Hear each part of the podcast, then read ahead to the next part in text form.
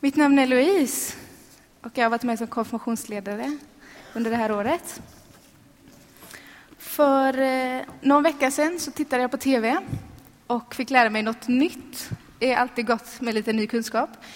Men jag tänkte jag skulle vilja prova den på er idag. Så utmaningen nu är att ni ska använda era två händer och forma ett hjärta och sen hålla upp det så vi kan se om det är någon som kunde den kunskapen jag fick se.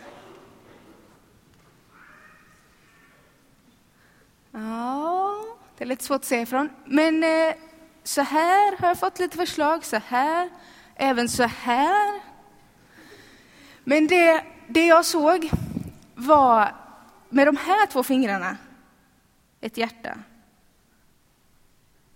Och eh, ofta säger vi kanske att hjärtat är ett tecken på kärlek eller kärlekens tecken. Men jag skulle vilja vända lite på den bilden idag.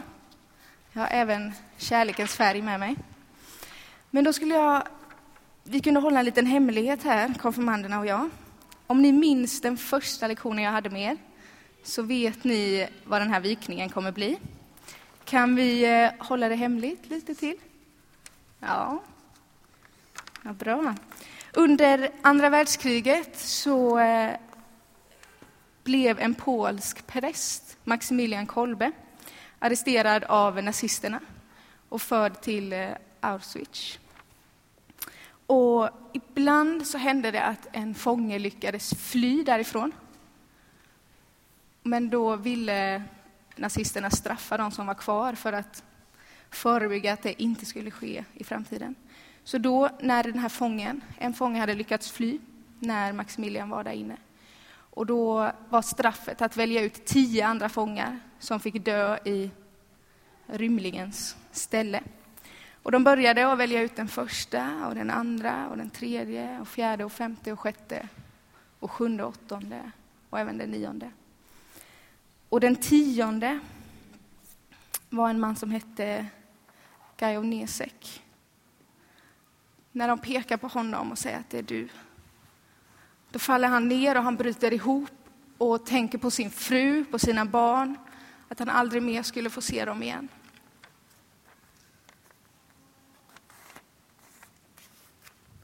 Men den här polska prästen, Maximilian Kolbe, han tar ett steg framåt och så säger han, låt mig ta den här mannens plats. Jag är beredd att dö i hans ställe.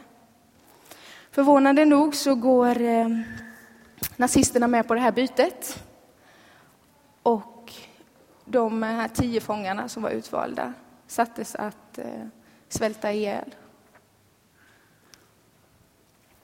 Och Gajom Nesek var med när Maximilian Kolbe, som tog hans plats, när han helgonförklarades av påven den 10 oktober 1982.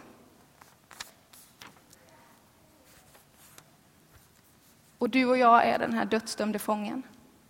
Men det finns en skillnad. Och det är att vi har gjort det brottet som vi är dömda för.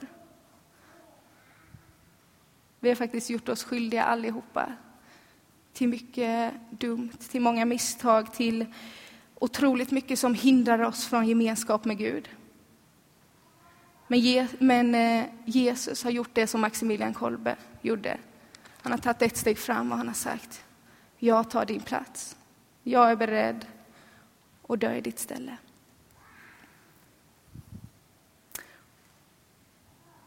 Och Jesus valde att göra det här för att han älskar oss så otroligt mycket. Men han förblev inte död, utan han uppstod igen, han besegrade döden. För att vi ska få leva med honom i evighet i himmelen. Jag ska läsa ifrån Romarbrevet 5 och 8 för er.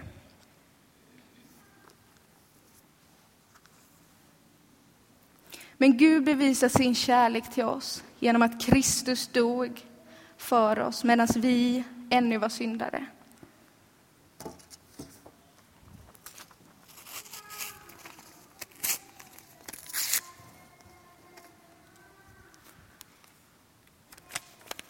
Det som Jesus gjorde på korset är helt otroligt. Och det är därför vi har konfirmation. Det är därför vi är här idag. Och jag skulle vilja säga att korset är tecknet på kärleken. Det är kärlekens tecken och det är också tecknet för liv. Liv i överflöd. Liv i evighet, i himmelen, tillsammans med Gud. Vi ska få lyssna på en sång som, där texten går att han går aldrig förbi dig. Det här löftet finner vi även i Bibeln. I femte Mosebok 31 och 8 så står det så här. Herren ska själv gå före dig. Han ska vara med dig. Han sviker inte och han överger inte. Var inte rädd och tappa inte modet. Och det är vad jag vill skicka med er alla idag. Och framför allt er konfirmander. Gud går alltid framför er. Han går alltid med er.